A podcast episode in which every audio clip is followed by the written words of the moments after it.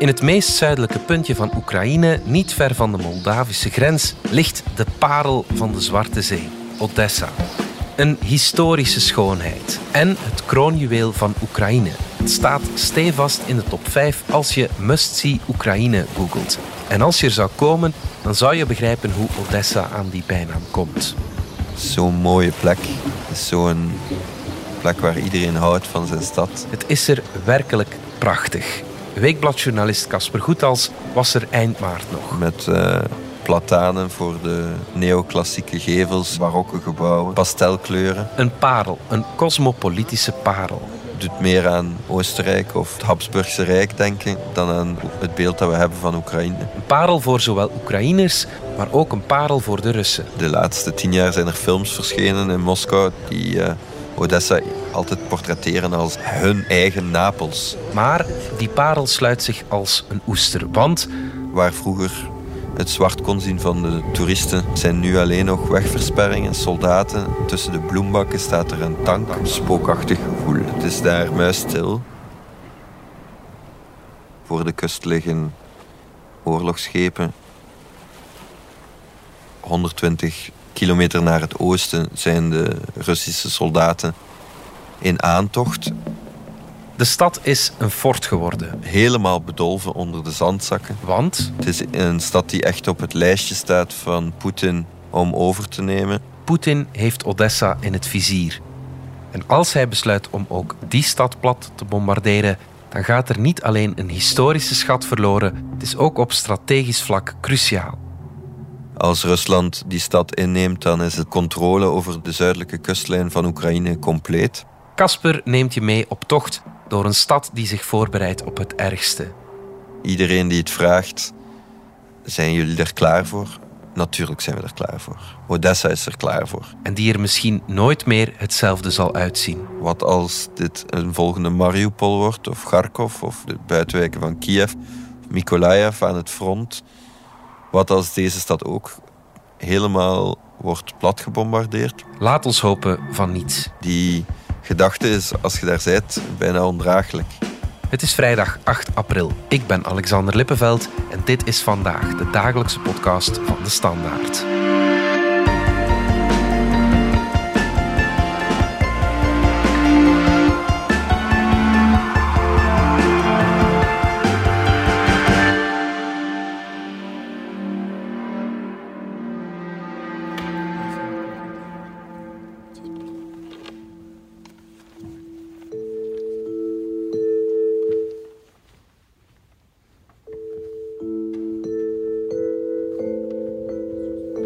Je hoort is uh, het theaterstuk dat gerepeteerd wordt in het uh, zuiden van Oekraïne in de stad Odessa. Ik was eind maart op bezoek in het theaterhuis te zien hoe zij in een oorlogsperiode verder gaan met toneelspelen. De meeste acteurs en theatertechnici en mensen van het gezelschap daar in Odessa zijn gevlucht of zijn aan het vechten aan het front. En iedere keer als het uh, luchtalarm afgaat, verhuizen de regisseurs ondergronds om in een schuilkelder verder de tekst te oefenen voor het toneelstuk.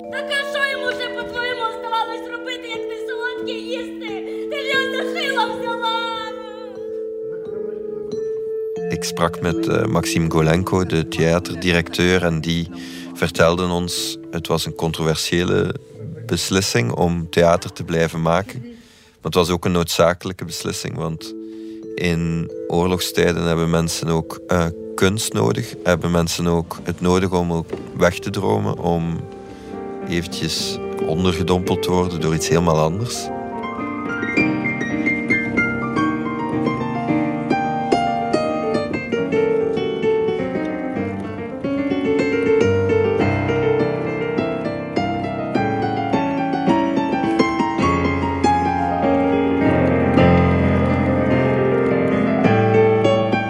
Ik wilde graag naar Odessa gaan, omdat een van de mooiste steden is van Oekraïne.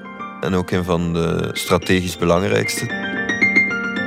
Het is een havenstad waar uh, oliepijplijn toekomt. Het is ook een van de belangrijkste havens aan de Zwarte Zee. als Rusland die stad inneemt, dan is, het, uh, dan is de controle over de zuidelijke kustlijn van Oekraïne compleet.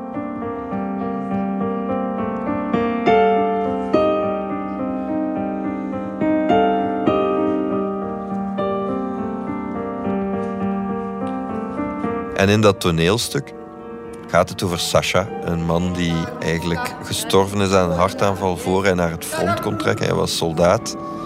En hij schaamt zich enorm, zijn geest schaamt zich eh, na de dood. En hij wil terugkeren uit de dood om te gaan vechten. Maar zijn familie, die dat te werk kan stellen, het is een beetje magisch realisme, wil alleen maar helpen om hem terug te brengen als hij terugkeert naar de familie en niet naar het front.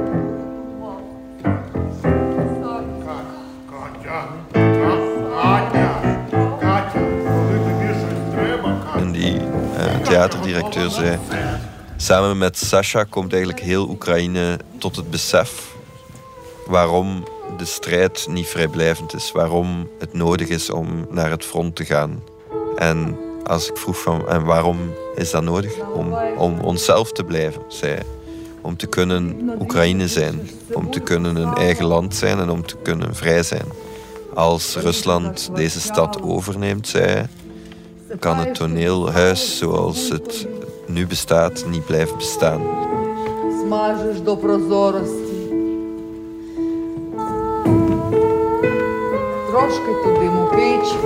Binnen drie weken is de toneelopvoering. En als Odessa dan nog Odessa is zoals wij het kennen, dan kunnen we het misschien met een uh, meer hoopvol einde eindigen. En als uh, Rusland het hier overneemt, dan kunnen we het helemaal niet meer opvoeren. Dus daar ging meteen het verhaal van die stad in. Wat staat er op het spel?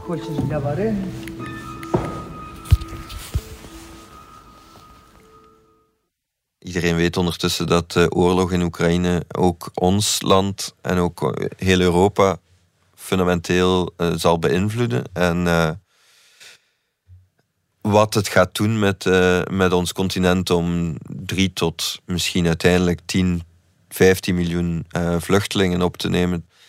En ik wilde dus vanaf het begin van de oorlog heel graag zo dicht mogelijk uh, bij het conflict komen om goed te begrijpen waar die mensen vandaan vluchten, ook waarom die oorlog gevoerd wordt en hoe het voelt voor uh, Oekraïners zelf om daar te zijn. Ukrainian air defense shot down a Russian cruise missile over Odessa. Een minuutje geleden na een voorbereiding van een, eh, meerdere dagen over de veiligheidssituatie. Kruisraket. Met welke routes we eh, de stad konden uitgeraken in het geval dat het misging. Neergeschoten over de stad. Zijn we op uh, een zondag, s ochtends vroeg, de grens overgestoken. En we is uh, Melvin Ingleby van NRC, een Nederlandse journalist. Goedemorgen. En ik. Goedemorgen. Om vandaar met een auto door de velden uh, in Oekraïne naar de belegerde stad te rijden. En eigenlijk voel je daar de oorlog nog voordat je de eerste soldaten ziet.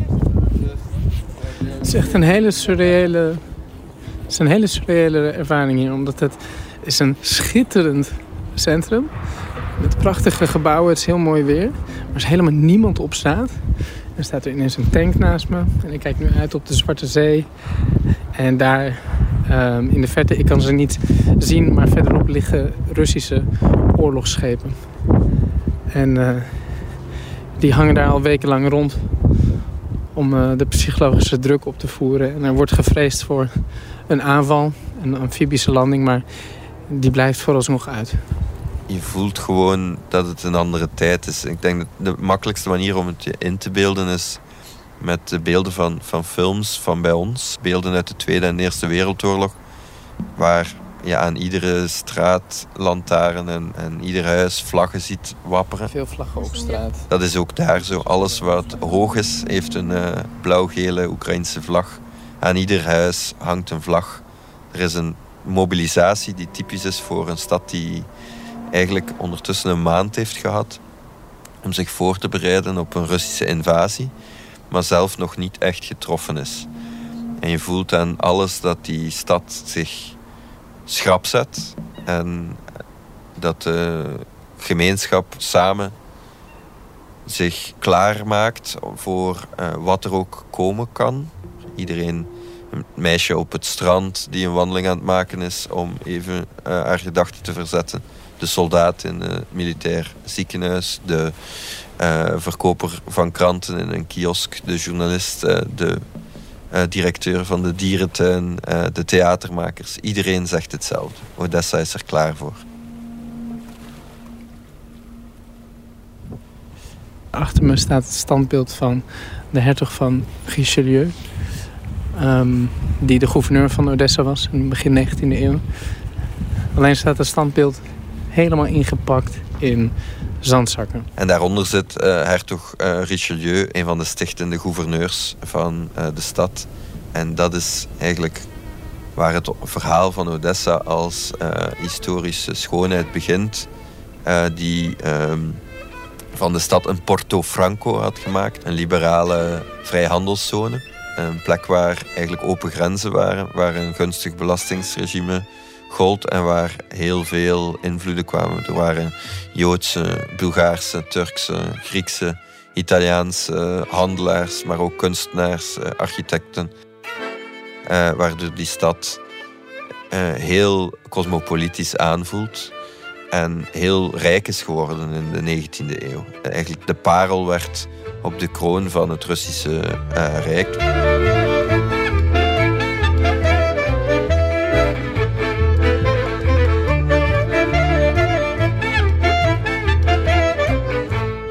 Zuiden van Oekraïne was toen Nieuw-Rusland, een, een, Russische kolonie. En uh, grote Russische kunstenaars zoals uh, Alexander Pushkin, de grote Russische dichter, hebben daar gewoond. Hij, hij, zat daar 13 maanden en hij schreef alles hier hint en luistert naar Europa. De pronkende slaven en uh, flanerende Fransen groeten elkaar hier. De Egyptische zonen wandelen door de straten. Dus het gevoel van een internationale vrijstaat uh, was daar zeer sterk. En dat voel je vandaag nog steeds een beetje.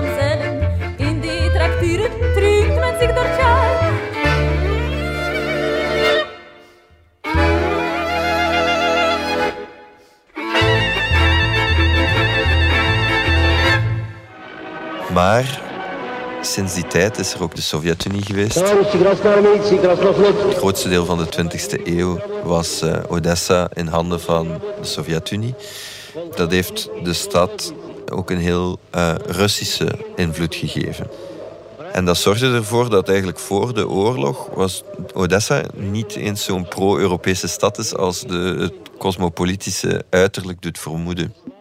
In september vorig jaar was er nog een peiling waar het bleek dat uh, eh, 37% van de Odessieten zij liever te integreren in Rusland of uh, met voormalige Sovjetlanden dan uh, met het Westen. Tegenover maar 20% die het omgekeerde zijn. Liever Europees, liever NAVO dan, dan Rusland. En 27% verklaarde zich neutraal. Dus die, die stad was helemaal niet zo pro-Europees. In 2014, nadat de Krim was geannexeerd en uh, de Maidan-revolutie had geleid tot het vertrek van de president Yanukovych, waren er clashes op straat. Uh, mensen van verschillende kampen die het echt niet met elkaar eens waren. De stad was verdeeld. En in mei van dat jaar, op 2 mei 2014, is dat helemaal geëscaleerd met een brand die aan 48 mensen het leven uh, had gekost en 200 mensen had uh, verwond. En die brand was aangestoken door pro-Maidan-activisten. En daarna, na die brand, gingen uh, duizenden bewoners op straat en ze riepen: Odessa is een Russische stad. Dus in heel die context wilde ik zien wat de oorlog had gedaan. De invasie van Rusland dat eigenlijk een, een broederland was voor veel bewoners van Odessa. Hoe heeft hij die stad op zijn kop gezet? Ik sta hier bij een kraampje op de markt in Odessa. Waar uh, spotprenten worden verkocht. Van, uh, je raadt het al, Poetin. Dus hier zien we een spotprint van Poetin als een heel klein mannetje. En er staat onder... Je kan net zoveel landen binnenvallen als je wilt. Je blijft een kleine motherfucker. Er is een andere print van Poetin als, eh, als varken. En hier een schilderij van, uh, van de gehele Kremlin-elite uh, met allerlei raketten en wapens en uh, skeletten in hun handen. En er staat onder Russische vrede. Dus naast het citaat Odessa is er klaar voor, is een van de meest gehoorde dingen was uh, Poetin heeft zichzelf in de voet geschoten. Uh, Poetin is de grootste vereniger van Odessa. Door Oekraïne aan te vallen en ook Odessa op de eerste dag werden er een aantal militaire doelwitten gebombardeerd. Door dat te doen heeft Poetin iedereen dichter tot elkaar gebracht. En ik ben in drie dagen tijd met heel wat mensen gaan praten daar.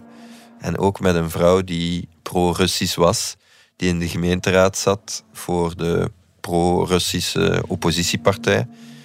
En zij zei bij de eerste bombardementen ben ik uit mijn partij gestapt. En heel haar partij lag eigenlijk in de touw. Want zij zei, ik was voor vrede. Ik vond die Maidan-protesten eigenlijk onrustscheppers. Eh, ik had het gevoel dat Europa en het Westen Oekraïne in de problemen bracht. Maar nu heb ik gezien dat het Rusland is. Dus je voelt een enorme uh, spanning in die stad, een enorm optimisme, een enorme broederschap. Maar, en dat is nooit ver weg, ook die dreiging. En dus soms dacht ik ook wel van heel veel van dat optimisme is ook een soort van manier om jezelf op te peppen om daar de dagen door te brengen. Want iedere dag en iedere nacht klinkt het luchtalarm in Odessa. Je hoort het uh, luchtalarm hier in uh, Odessa. Maar dat gaat eigenlijk uh, om de zoveel tijd af. En er zijn heel weinig mensen die erop letten. Mensen gaan gewoon door met hun leven. Gaan niet naar de schuilkelders. Terwijl je dat natuurlijk wel zou verwachten. Maar je kan niet 24 op 24 bang zijn. Er is een soort van strijdvaardigheid die, die, die angst wegduwt. Wij zijn niet bang voor de Russen, want de Russen zijn ongeorganiseerd. De Russen trekken zich nu al terug. Ons luchtafweersysteem werkt fantastisch. Rusland dacht dat hij Oekraïne in een paar dagen ging innemen. Dat is mislukt. Sterker nog, wij zijn aan het winnen. Dat gevoel overheerst. Maar, en dat is zeer belangrijk om te zeggen, de mensen in Odessa hebben voorlopig nog nauwelijks meegemaakt wat de andere gigantische bombardementen op, op Mariupol en Kharkov en uh, Mykolaiv teweeg hebben gebracht. Ik heb de enige plek waar een uh, kruisraket een burgerdoel heeft geraakt bezocht. Dat was een flatgebouw op, eh, in een uithoek van de stad. alle ramen waren daar kapot van de impact van die raket. Maar er was niemand gestorven. De meeste mensen waren daarna uiteraard gevlucht, want de appartementen waren wel uh, heel hard beschadigd. Maar de psychologische impact van oorlog die in uw dorp, in uw stad plaatsvindt, is nog iets helemaal anders. En dat merkte ik toen ik met Natalia ging spreken. Are you, are you worried about giving birth right now in these circumstances? Een vrouw van 32 die hoogzwanger is, acht maanden zwanger. About ah, giving birth in these circumstances, do you have a place for the baby to stay? En die net gevlucht was uit een dorp bij Mykolaiv aan het front, dat door de Russen was bezet en daarna uh, bevrijd door de Oekraïners.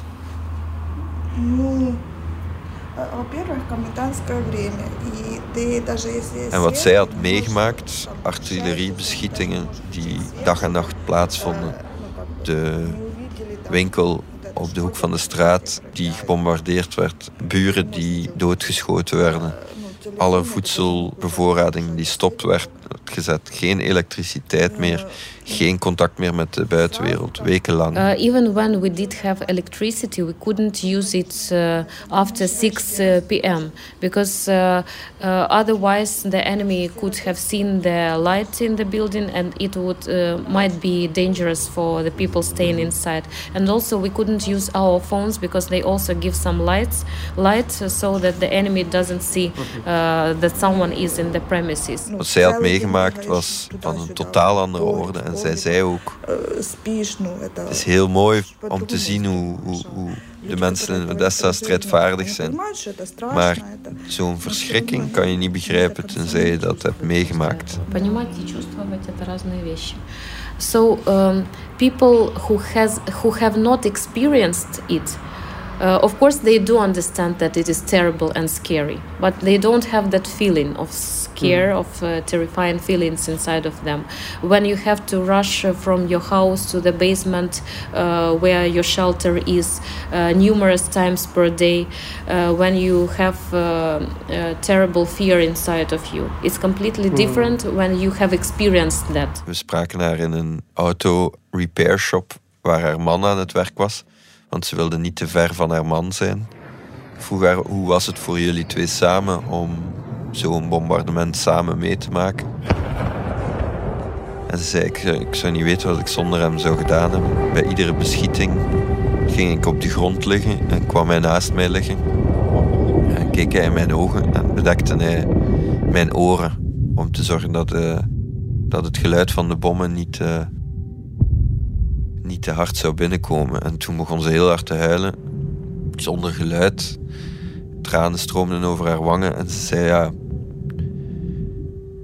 wat wij hebben meegemaakt, ik wens niemand toe. Het is echt nog iets anders om in een oorlog te leven dan, dan door een oorlog bedreigd te worden.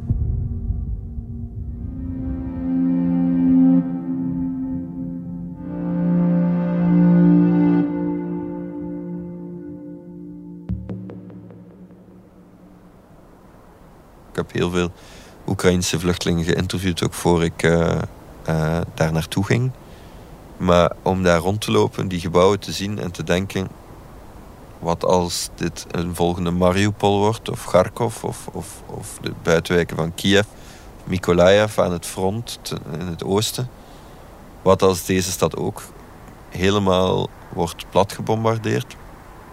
En die gedachte is, als je daar bent, bijna ondraaglijk omdat, om, omdat het zo'n mooie stad is. Omdat niemand daar vraagt om een Russische redding. Om een denazificatie die uh, Poetin beloofd had. Sterker nog, de foto's die nu gemaakt worden van het operahuis met die versterkingen er rond, die zijn bijna één op één de foto's van 1942 toen de nazi's de stad bedreigden. Dus dat beeld doet ook veel mensen speculeren. Is dat ook waarom Odessa voorlopig nog niet hard gebombardeerd is? Kan Poetin het wel aan zijn eigen bevolking uitleggen straks als hij de parel in het zuiden van Oekraïne eh, plat bombardeert? We weten het niet.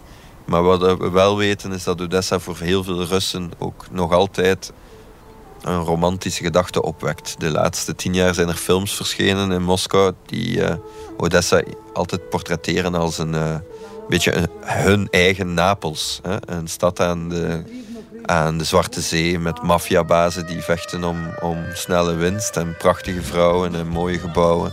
En een soort piratenhol, maar wel hun piratenhol. Odessa. Dus we, we weten niet waar het naartoe gaat. Ik had in een lokale nieuwswebsite een bericht gelezen over de dierentuin, die daar natuurlijk gewoon nog is, zoals die in veel steden is. En daar zitten leeuwen, olifanten, zebra's, kamelen.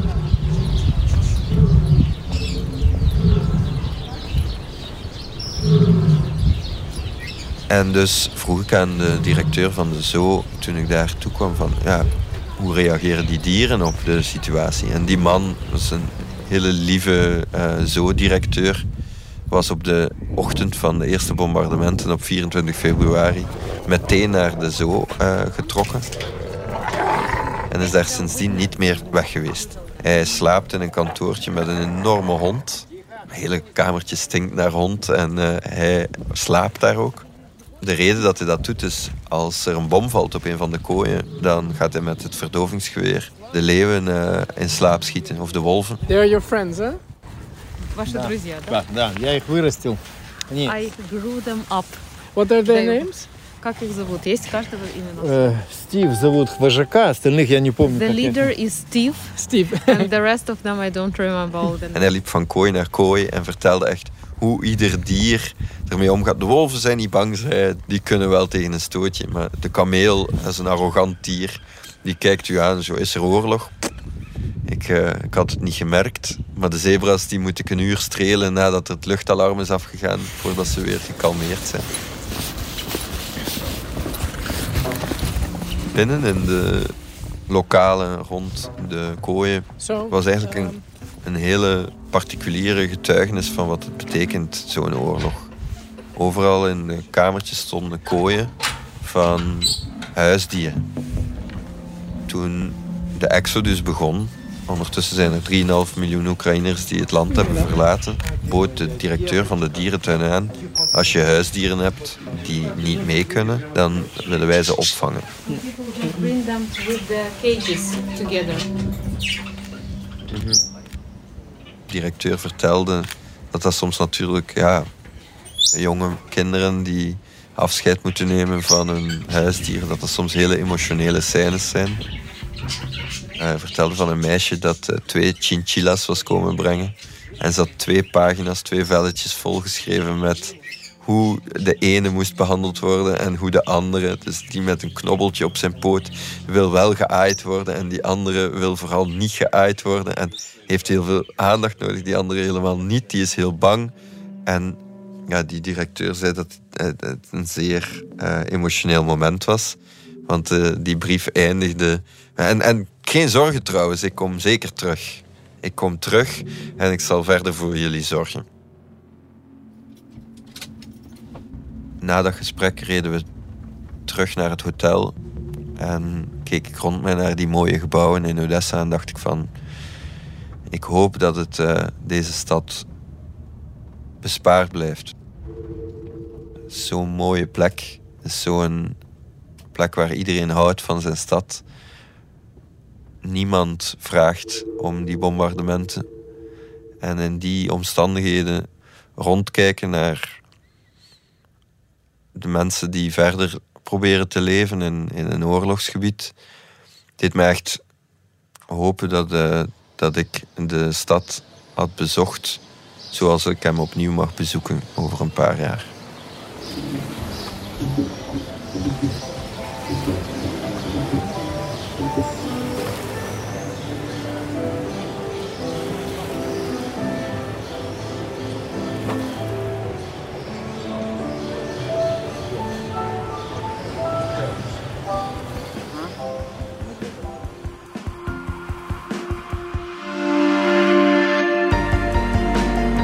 Dit was vandaag de dagelijkse podcast van de Standaard. Bedankt voor het luisteren.